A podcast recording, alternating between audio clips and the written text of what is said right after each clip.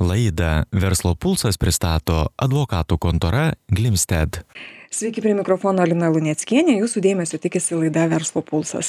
Paskolų turėtojams aktualus rodiklis Euriboras šiuo metu mažėja, suteikdamas vilti kad lengvės ir palūkanų našta. Tačiau ką apie palūkanų mažinimo perspektyvą mano finansininkai ir teisininkai? Gal esame per daug optimistiškai ir nepagrįstai nusiteikę? Ir tada būtinai klausiame kam turi ruoštis paskolų turėtojai artimiausiu metu. Man malonu pristatyt laidos pašnekovus. Šiandien studijoje pas mus vieši kristina pilipiuk advokatų kontoros glimsted finansų ekspertė kredito unijos neris administracijos vadovė ir karolis grižas advokatų kontoros Glimstet teisininkas. Sveiki. Labadiena. Labadiena. Kristina, kaip ir sutarėm, pradedam nuo jūsų, pradedam apie Euriborą uh, ir, jo, ir jo visus maršus ir benefisus čia pas mus rinkose, paskolų rinkose. Tai ką matot, ką stebite, uh, kaip paveikia Euriboras, na tikriausiai visi daugiau mažiau nutuokiam ir jaučiam, kaip, jį, kaip jis paveikiamas, bet labai noriu su to profesionalaus žvilgsnio. Tai tikriausiai iš tiesų, kai 2015 metais Euriboras tapo neigiamas, visi jį ir pamiršo. Tačiau skausmingi du tūkstančiai dvidešim antrieji tikrai privertė mus prisiminti jį ir iš tiesų tas palietė tiek fizinius asmenis tiek juridinius asmenis. Be abejo didėjant euriborui padidėjo ir kredito įmokos ir iš tiesų kai kurių asmenų tos įmokos galėjo padidėti net tris kartus tai yra tikrai labai reikšmingai. Tačiau iš kitos pusės norėčiau pasidžiaugti lietuvos statistika jog vis tik vėluojančių vykdyti įsipareigojimus asmenų pas mus statistika yra pakankamai gera jinai pakito pakankamai nereikšmingai lyginant su pakitusiu euriboru. Apie vėluojančius mes su karoliu turim kalbėt ar ne? Kai kokia tenai statistika pas mus su vėluojančiais paskolų negrąžinančiais kaip mes atrodom kitų šalių kontekste. Karoli galim dabar kalbėt arba galim kristinai leist pabaigti kaip jums patogiau? Aš manau kad e, kristina gal mane ir papildys ir ir tai e, karoli ką jūs tada vat apie tuos vėluojančius ir ir ir kristina džiaugiasi kad mes visai neblogai atrodom Iš tiesų, aš turėčiau pritart Kristinai, atrodo neblogai. Iš to Europos vidurkio mes nelabai įsiskiriam, net vidurkio neperlipam iš tikrųjų. Tie skolinimas įpročio lietuvių, taip, paskolos didėja, paskolų sumas didėja, e, paskolų portfeliai bankuose ir kredito įstaigose didėja.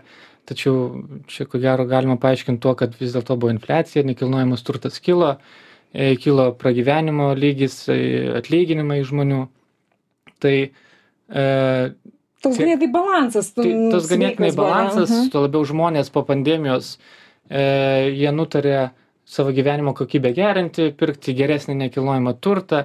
Netgi e, teko matyti e, Lietuvos banko statistiką, kad paskutiniais metais lietuviai daug ir vartojimo paskolų iš tikrųjų skolinasi, bet nepalyginamai iš tikrųjų atsakingiau ir ir tos vartojimo paskolos nėra imamos kaip seniau greitieji kreditai kad pasiėmei neaišku kaip tu juos grąžinsi bet žmonės atsakingai tuos vartojimo kreditus pasiima sau gerinti kasdienę buitį gyvenimo e, Apie įpročius, Karoli, mes dar pakalbėsim, kaip mes skolinomės prieš kažkurį tai laiką ir kaip mes skolinamės dabar.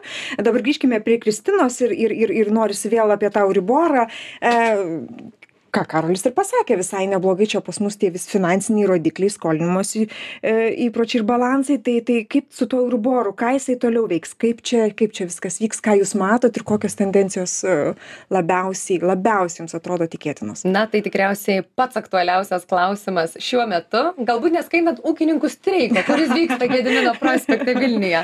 Tačiau iš tiesų visi žino jog europos centrinio banko valdančioji taryba dešim kartų iš eilės didinusi palūkanų normą du kartus padarė pauzę. Tai yra labai reikšminga.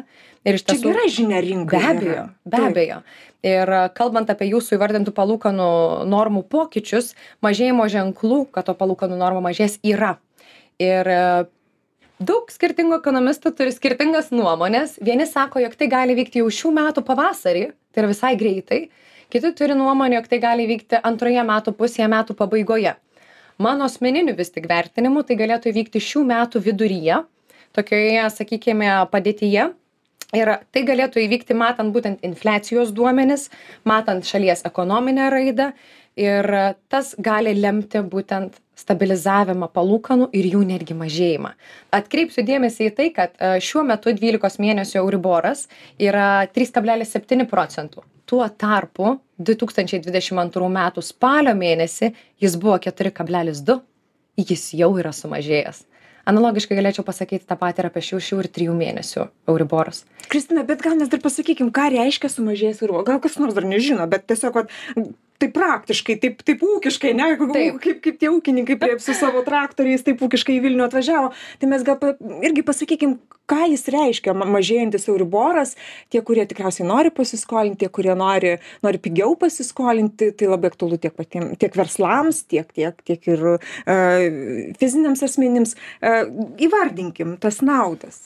Šiuo atveju kalbant apie euriborą tai aš norėsiu atkreipti dėmesį jog dabar mes kalbame apie palūkanas kurios turi kintamą palūkanų normą tai reiškias jog jos yra ilgalaikės tikėtina paskolos kaip vat būsto paskola trisdešimt met trisdešimčiai metų išduota verslo investicinė paskola dešimtmečiui suteikta. Atitinkamai mažėjantis euriboras jisai sumažins mūsų įmokų dydį. Tai yra labai labai svarbu ir tikrai tiek gyventojai tiek verslas to labai tikisi karoli jūs jūs irgi tą patį stebit jūs irgi pritariat kristinai kad jau vidurys bus tas kada jau mes lengviau atsikvėpsim su jeigu žiūrim euriborą prognozių iš tikrųjų yra daug visi kalba ekonomistai apie lūžį šiais metais bet iš tikrųjų kaip čia bus tai sunku pasakyti. Tokio neapibrėžtumo lai laikotarpiu gyvename. A tai grįžtant dabar prie prie mūsų tų a skolinimosi įpročių jūs paminėjote kad kad mes iš tiesų jau jau nebe tie kurie strimgalviais lėkėm vartojimo paskolas ėmėm ir ir laisvai jas gavom. A ką jūs dabar stebite? Kokie dabar mūsų įpročiai būtent a skolinimosi įpročiai? Kaip mes kaip mes šitoj vietoj elgiamės? Kaip elgiasi kreditavimo institucijos Tai, kaip ir sakiau, paskolų sumos vis dar auga po, po pandemijos tiek e, būsto paskolų, tiek vartojimo paskolų, bet e, čia, kaip minėjau, mes neįsiskiriam iš Europos, kitų valstybių. E, turbūt čia yra ir, ir e, tas bruožas lietuvių, kad vis dėlto mes mėgėjai e, visas santaupas kišti po pagalvę, o, ne, o nesiskolinti. Tai, Neinvestuoti, taip, pavyzdžiui, ar taip. ne, kad pinigai pinigus uždirbtų. Taip, taip, tai mes e, turim prisitaupę pinigų, mes nesam dideli skolininkai ir išlaidūnai, kaip, sakykime, kokie amerikiečiai. E, tai dėl mokumo problemų irgi nesakyčiau, kad lietuviai susiduria. Teko matyti Lietuvos bankų irgi apklausą ir apklausos rezultatus bankų ir kredito įstaigų praeitą mėnesį. Tai jeigu neklystu, nuo visų sudarytų vartojimo kreditų apie 7 procentai tik buvo nutrauktų sutarčių.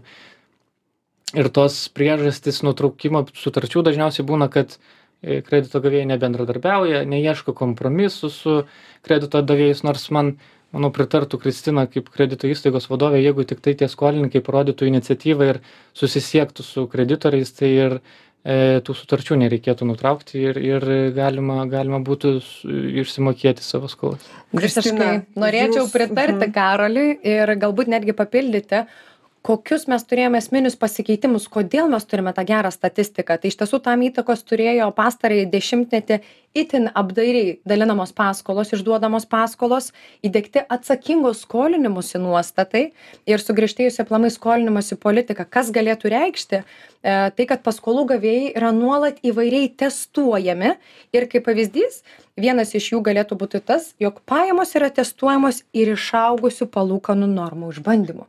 Tai reiškia, bankas, kredito įstaiga ruošiasi tam, kas galėtų nutikti blogiausiu atveju. Ir be abejo, visos finansų įstaigos yra linkusios ieškoti kompromisu, padėti klientam patekusiem į prastą padėtį ir išspręsti situaciją. Tai ką Karolis sako, jeigu skolininkas pas jūs ateitų, sakytų, nu, kažkaip spręskim, nu, nėra pas mane dabar gerai, kokius, kokius žingsnius darom, jūs sėdate, ieškote, kaip, kaip šitą, šitą problemą iš situaciją išspręsti. Netgi yra įstatymais reglamentuota, jog yra privalomas tam tikrų paskolų atidėjimas tam tikram laikotarpiui, tačiau dažnu atveju finansų įstaigos yra tikrai geranoriškos ir tą laikotarpį gali pratesti, ieško visais atvejais kompromiso. O tautiečiai kreipiasi? Dažnai pakliuvę į tą atskolinimosi duobę, ar kreipiasi pas jūs e, pagalbos, kad... kad Kadangi taip pat esu ir finansų įstaigos vadovė, Taip, vagi Galiu pristačiau jūs. pasidalinti, e, tačiau iš tiesų ta statistika, kaip Karolis ir minė, jinai yra pakankamai gera ir mes turim vienetus besikreipiančių tokių asmenų.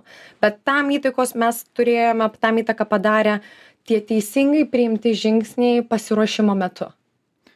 Tai aš dar, jeigu galima, norėčiau papildyti Kristiną dėl tos pačios bankų ir kredito įstaigų rizikų prisimimą, rizik, rizikų apetito, taip, taip sakant. Taip, taip. Tai e, gal labiau sakyčiau, žmonės e, turi didesnį rizikos apetitą įmant paskolas ir perkant naujus būstus, negu kad bankai turėtų, turėtų tą didelę rizikos apetitą išduodant paskolas, nes vis dėlto ir pačios kredito įstaigos per paskutinę ekonominę krizę pasimokė išduoti paskolas ir teisingai vertinti savo, savo išduodamas paskolas tiek Lietuvos banko e, priežiūra yra pakankamai stipri. Šalyje yra priimta tam tikrų teisės aktų, kurie nustato tikslės taisyklės, kaip bankai turi išduoti kreditus ir kaip jie turi vertinti skolininkus. Tai nereiškia, kad jeigu bankas nesuteikia jum paskolos, kad bankas yra blogas.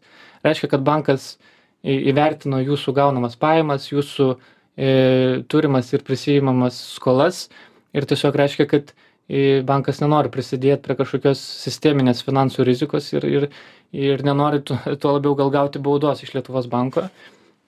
Ir jis tiesiog paskolos suteikti negali pagal taisyklės o kokie patarimai būtų kurie norėtų apsaugoti savo kreditą? Nes karoli kaip ir kalbėjom neapibrėžtumas milžiniškas e, rizikos tikrai yra ne už kaip pasakyti nu yra tos rizikos jos visą laiką yra ar ne? A kaip apsaugoti kreditą kokie patarimai kokios priemonės nuo nuo nuo va tokių svyravimų nuo tokių ne neapibrėžtų neapibrėžtų e, veiksnių taip, dėl to neapibrieštumo iš tikrųjų galimybių e, susitarti ir, ir ieškoti teisingų sprendimų su bankais yra.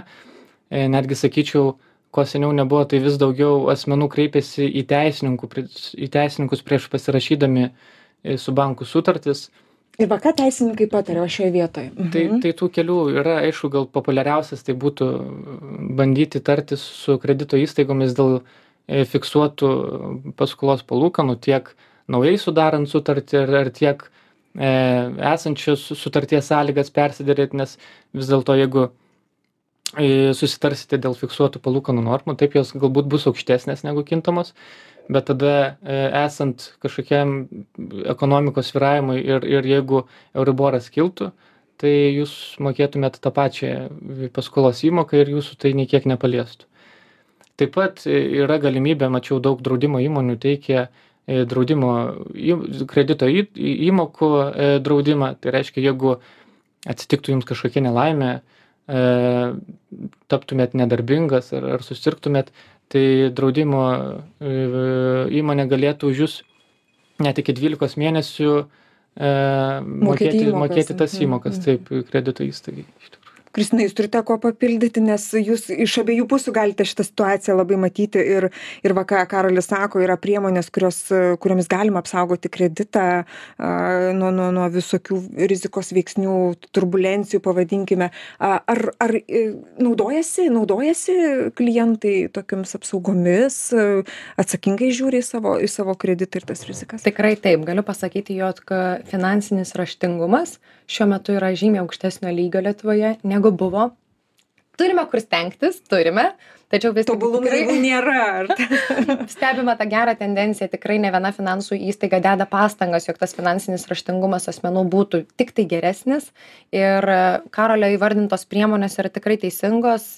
Tikrai ir Lietuvos banko valdybos pirmininkas Gediminas Šimkus apie tai kalba, apie fiksuotas palūkanų normas. Norėtų, jog tai taptų populiaru. Čia kadangi jau dabar planai, kiek aš girdėjau paskutinės naujienos, būtent iš pono Šimkaus, kad, kad jau, jau bus kažkoks įrankis būtent dėl fiksuotų. Skatinantis tai, nes šiuo metu mes turime tik tai 3 procentus būsto paskolų, kurios yra su fiksuotomis palūkanų normomis. Tai yra labai nedidelis procentas. Ir fiksuotos palūkanos galėtų būti ta, ta priemonė, kuri jinai būtų, būtų, jinai būtų saugesnė priklausomai nuo, nuo ekonomikos ciklų, e, bet, bet atsižvelgiant į, į tuos alternatyvas kintamų palūkanų, jos ko gero būtų e, didesnės sakyčiau. Aišku, gal man Kristina čia nežinau pritars ar ne, bet e, apskritai, sakyčiau, gal Lietuvoje, lyginant su ES vidurkiu, paskolos brangesnės šiek tiek yra. Bet ir tas procentas Tiesa. kintamų palūkanų, ko gero, yra e, virš, virš 90 kažkiek procentų. Taip. Tai o kodėl mes taip brangiai skolinamės? Kodėl lietuviai tokie čia išskirtiniai gaunamės? Ir turit atsakymų į šitą klausimą nes iš tiesų jisai kyla ir labai dažnai kyla kodėl čia pas mus būtent tokia situacija kodėl mes taip brangiai skolinamės su sunku pasakyt čia irgi gal e, lietuviai dar nėra tiek e, pažengę toli kad į dėrėtųsi su bankais ir kredito įstaigomis, jie gauna vieną pasiūlymą. Tokių tradicijų gal tikriausiai nėra. Reiškia, gavo pasiūlymą, mm -hmm. tai yra vienintelis geriausias pasiūlymas. Bet e, vis daugiau yra tų paslaugų teikėjų, kurie teikia mm, daugumos bankų pasiūlymus iš karto e, dėl, dėl paskolos. Tai e, yra raginami žmonės lyginti pasiūlymus, nebėgti prie pačio pirmo. Tai aš manau, ateityje gal, gal turėtų tas pasikeisti ir žmonės gal netgi ir pigesnės paskolas galėtų gauti. Tiesiog ne, ne, nebijot dėrėtis, nebijot ieškotis to, to gero kompromiso visiems gero. Kristina, jūs tikriausiai norit papildyti, bet aš tai vis tiek jūsų klausiu to stebuklingo klausimo, kaip šiuo metu galima gauti pigią paskolą, jeigu mes atsižvelgiam į visą esamą ekonominę situaciją, ar ne. E, tai jau dabar kalbėkit. Iš tiesų ir Karaliu papildysiu ir atsakysiu jūsų klausimą. Tai papildant šiek tiek žiūrint į didelį paveikslą matant, tai noriu atkreipti dėmesį, jog vis tik Lietuvoje mes turime netokią ir jau didelę konkurenciją finansų įstaigų. Nepamirškime ir to.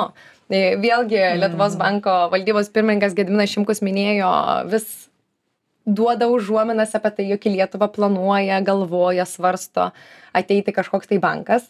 Tos informacijos mes detalios neturime, tačiau tos kalbos vyksta. Iš kitos pusės atsakant į klausimą, kasgi yra ta pigi paskola ir kaip ją gauti, iš tiesų labai svarbus dalykas yra mūsų pačių kreditingumo istorija, mūsų mokumas na pagrindiniai dalykai a kaip bankas priima sprendimą suteikti paskolą ir kokiomis sąlygomis labai priklauso nuo paties kliento. Tai reiškias kokia yra jo mokėjimų istorija. Ar asmuo yra turėjęs kažkokių tai areštų teisinių procesų galbūt bylų. Atitinkamai kokios yra jo pajamos. Pajamų mes turime siekti tvarių bei stabilių. Tai yra be galo svarbu ir tada galima sakyt kad gali pretenduot į pigią pigią paskolą. Jeigu tu atitinki visus teisingus tuos reikalavimus e, neturi neturi kažkokių tokių nusižengimų kurie tau kenkia tavo kredito istorijai tu tu gali gauti va va čia yra atsakymas stebuklingas atsakymas ane? Karoli papildyt jeigu jeigu neturite tai tada aš jau noriu dar vieno dalyko klausti jūsų konsolidavimas. Čia irgi galėtų būti vienas variantų viena išeičių kalbant apie apie rizikas ir, ir, ir, ir, ir jautimasi saugesniam. Taip, manau, man Kristina pritars, čia tokia galimybė kreditų refinansavimo tikrai yra ir jinai yra pakankamai populiari tai e, žmonės vis dažniau, jeigu turi bent jau kelis skolinius įsipareigojimus pas, pas skirtingus kredito davėjus, e, bando refinansuoti kreditus į, į vieną, pas vieną kreditorių, į vieną kredito davėją, e, tada lengviau susitarti su banku ir dėl palūkanų normos ir, ir įmokų mažesnių, ir dėl termino ilgesnio. Tuo labiau reikia nepamiršti, kad jeigu e, visus, visus kreditinius savo įsipareigojimus perkelsit į vieną kredito įstaigą, tai bus ir lengviau valdyti ir administruoti savo skolas, bus tik viena įmoka ir tuo labiau jūs kaip prieš banką, kaip skolininkas visiškai kitokį svorį turėsit, nes jūsų e, skolos suma pas tą kreditorių bus didesnė, jums bus lengviau ir dėrėtis tada dėl tam tikrų sąlygų su bankais?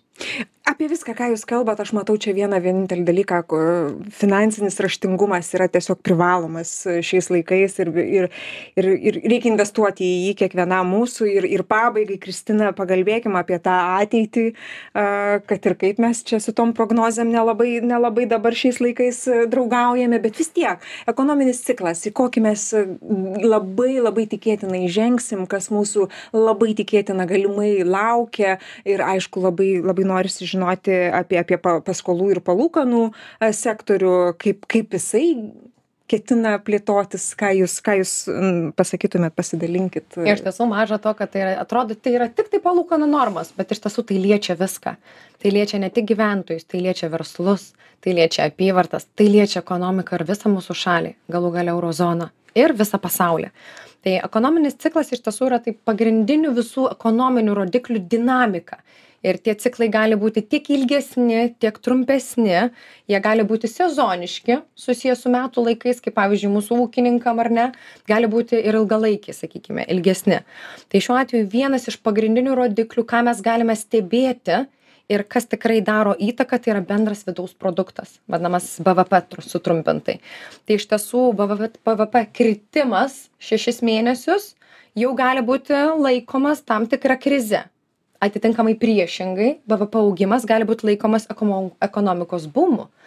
Ir šiuo atveju tas pagrindinių rodiklių stebėjimas tendencijos gali lemti kur mes galima atsirasti ateityje tai šiandien dienai tos prognozės yra tikrai šviesios galiu pasakyti.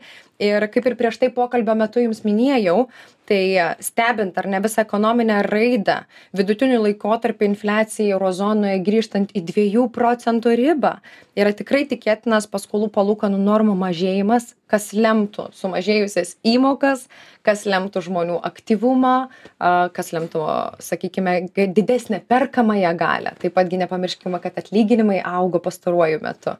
Tai tos prognozės yra tikrai tikrai šviesios. Tai ta šviesia gaida noriu pabaigti mūsų laidą. Žinių radijo klausytojams primint kad šiandien verslo pulse mes kalbinome kristiną pilipiuk advokatų kontoros glimstedt finansų ekspertę kredito unijos neris administracijos vadovę ir karolį grižą advokatų kontoros taip pat glimstedt teisininką. Laidą vedžiau aš lina luneckienė. Jūs ir toliau likit su žinių radiju gražių jums dienų Laidą Verslo pulsas pristato advokatų kontora Glimstedt.